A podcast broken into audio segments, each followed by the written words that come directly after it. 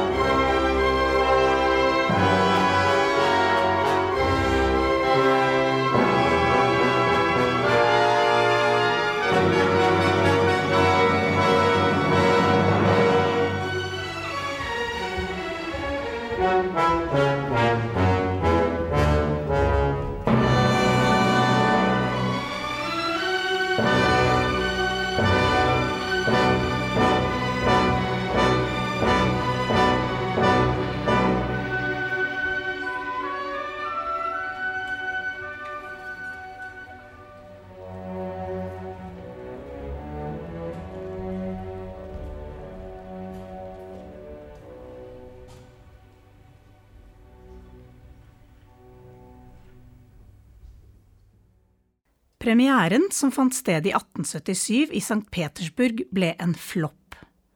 Det ble sagt at musikken var for bråkete og for komplisert, noe vi har vanskelig for å tro i dag. 18 år senere ble det laget en ny versjon av Ivanov og Petipa, med noen endringer i musikken, og det er denne versjonen som danses i de fleste klassiske kompanier verden over den dag i dag. Svaner som tema har fascinert mennesker i lang tid. Den legendariske ballerinaen Anna Pavlova turnerte verden over fra begynnelsen av 1900-tallet med sin Svanens død, og Nasjonalballetten startet denne sesongen med en sammensatt aften som het I Fokins verden, der den ene delen var et nytt verk av Daniel Proeto, Sinn eller Svane på fransk. Rollen som Odette Odile i den klassiske Svanesjøen er en av de vanskeligste rollene for en kvinnelig ballettdanser. Fysisk fordi den er teknisk vanskelig, og det vanskeligste kommer når danseren er på sitt mest slitne.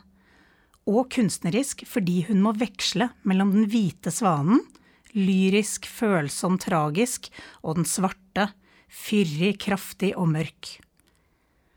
Vår egen ballettsjef Ingrid Lorentzen har danset rollen i tre sesonger, så det er kanskje ikke tilfeldig at Nasjonalballetten har tre verk med temaet svaner i denne første sesongen som hun har programmert.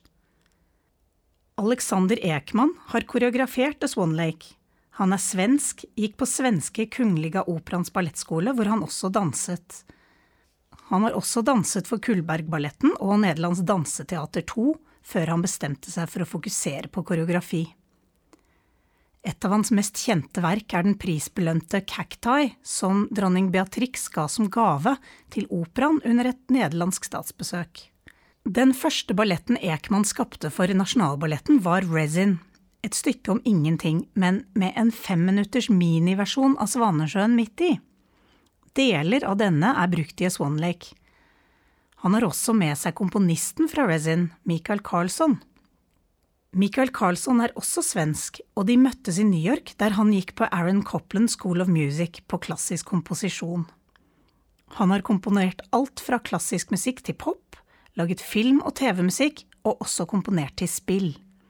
Han skriver på sin første opera, som beregnes å være ferdig i 2015. Michael og Alex jobber tett sammen, fordi Alex forstår hvordan danserne hører musikken, så det foregår en kontinuerlig utveksling av ideer. Besetningen i orkesteret er som den klassiske Svanesjøen, og i første akt er det mange referanser til Tsjajkovskij.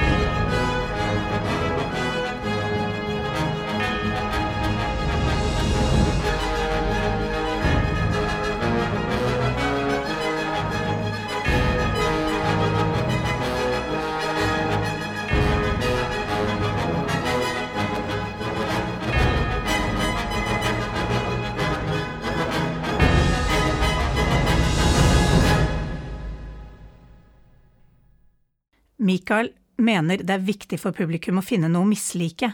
Det skal ikke bare være feel good, og den kjenner jeg igjen. Derfor har han valgt å lage en brytning i andre akt, hvor det er mest rytmisk, med få eller ingen henvisninger til Tsjajkovskij.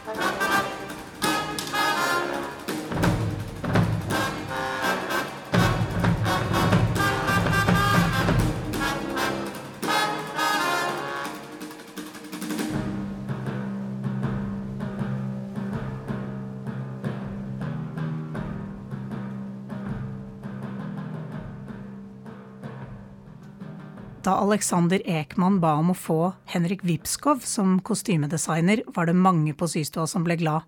For han er en veldig kjent dansk avantgarde klesdesigner som har laget over 25 kolleksjoner siden han var ferdig utdannet. Han er en av få skandinaver som får stille ut på Paris Men's Fashion Week. Vår systue og fargeri har hatt mange utfordringer med kostymene, annet fordi hele andreakten foregår i vann. Det ble trykket og farget over 300 meter med stoff, som ble kantet med 250 meter med bånd bare til den akten. Henrik Wipskow valgte å bruke et stoff som heter neopren til den svarte og den hvite svanen. Dette er et stoff som man bruker i dykkerdrakter. En av våre syere testet selv ut stoffet for å se hvordan det ville fungere når det ble svettet i, og det gikk fint. Swan Lake er ikke en ny Svanesjø med samme historie.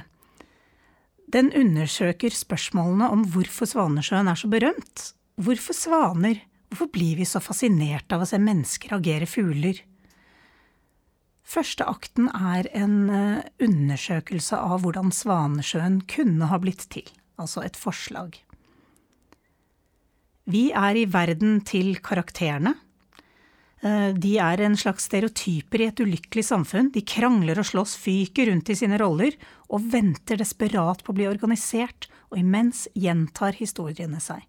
Vi har alt fra den hyggelige lille kjernefamilien med barnevogn og den unge gutten, vi har barn, vi har transvisitten. vi er også i verden til produsenten og kunstneren, spilt av henholdsvis Fridtjof Saastad og Jan Gunnar Røise. Kunstneren får plutselig en idé om å skrive om svaner. Produsenten sier nei, verden er ikke klar for det, noe så absurd, man kan da ikke få publikum til å tro på menneskelige svaner. Han foreslår en rekke andre dyr. Men kunstneren insisterer på at det skal være svaner. Plutselig dukker en bok opp med hele historien, og da får vi presentert alle karakterene, som også er de samme som i den opprinnelige Svanesjøen. Kunstneren er inspirert. Produsenten sier ja, og et studium av svaner følger. Vi får møte ornotologisten, fuglekjenneren. Andre akt foregår fullstendig i vann. Vi har flokker med svaner. Vi har den svarte og den hvite svanen. Vi har en duell mellom dem. Og til slutt kommer karakterene tilbake. Det hele ender i en fest, en slags beachparty, hvor alle karakterene deltar. Kvelden vil by på en hel del overraskelser for dere, men vi fikk også en del overraskelser underveis. Flytemadrasser, tusen badeender, badeballer og takrenner ble bestilt. Vann i studio og å kjøre et 16 ganger 16 meter basseng med 5000–6000 liter vann inn fra sidescenen i pausen byr på en hel del uforutsette ting. Danserne ble kalde under prøvene, tross oppvarmede studioer og temperert vann. Badekåper og våtdrakter ble kjøpt inn. Gulvet var glatt og førte til skader, så danserne måtte ha på seg knebeskytter og sykkelhjelmer. Vi måtte forske på sko med sandpapir under, for å finne ut hvordan man kunne danse i vann. Og jeg skal lese fra et lite oppslag utenfor dansernes studio, som heller ikke er helt A4. Forebyggende helsemessige tiltak i forhold til prøver i vann. Det vil bli lagt til fem minutter etter klasse og 15 minutter før lunsj i prøveplanen til dusjing før og etter prøven. Vask og tørk bena godt både før og etter. Vreng våtdrakten og skyll den i varmt vann før det henges til tørk over natten. Det er påbudt å bruke hjelm på alle prøver inntil videre. Men de hadde det veldig mye moro også, Alexander Ekman var veldig opptatt av at man skulle finne tilbake til gleden ved å leke i vann og plaske. Han bruker vannet til å lage rytmer i musikken. Det tar en og en halv time å fylle bassenget før hver gang. Man bruker tre pumper og to vannsugere, en svaber til å presse vannet i et hjørne for å få det ut igjen. Alexander Ekman er kjent for sin humor og sin evne til å overraske publikum. Han sier å oppleve at folk rundt deg er interessert og ler og er underholdt av noe man har laget, er min største lykke. Han er en ekte entusiast, og det er alle han samarbeider med. De sprer en positiv stemning i alle avdelinger, fra teknisk til systue. Det gjør at folk i operahuset strekker seg enda lenger enn det de pleier. Alexander Ekman jobbet side om side med danserne og gjorde selv alle tingene han ba om, og det fører jo også til at de får lyst til å strekke seg enda litt lenger. Denne balletten ble i K-magasinet kalt Svanesjøen 2.0, altså en forbedret versjon. Det overlater jeg til dere å vurdere, men jeg kan love dere at det blir en aften helt ulikt noe annet dere har vært med på. God fornøyelse.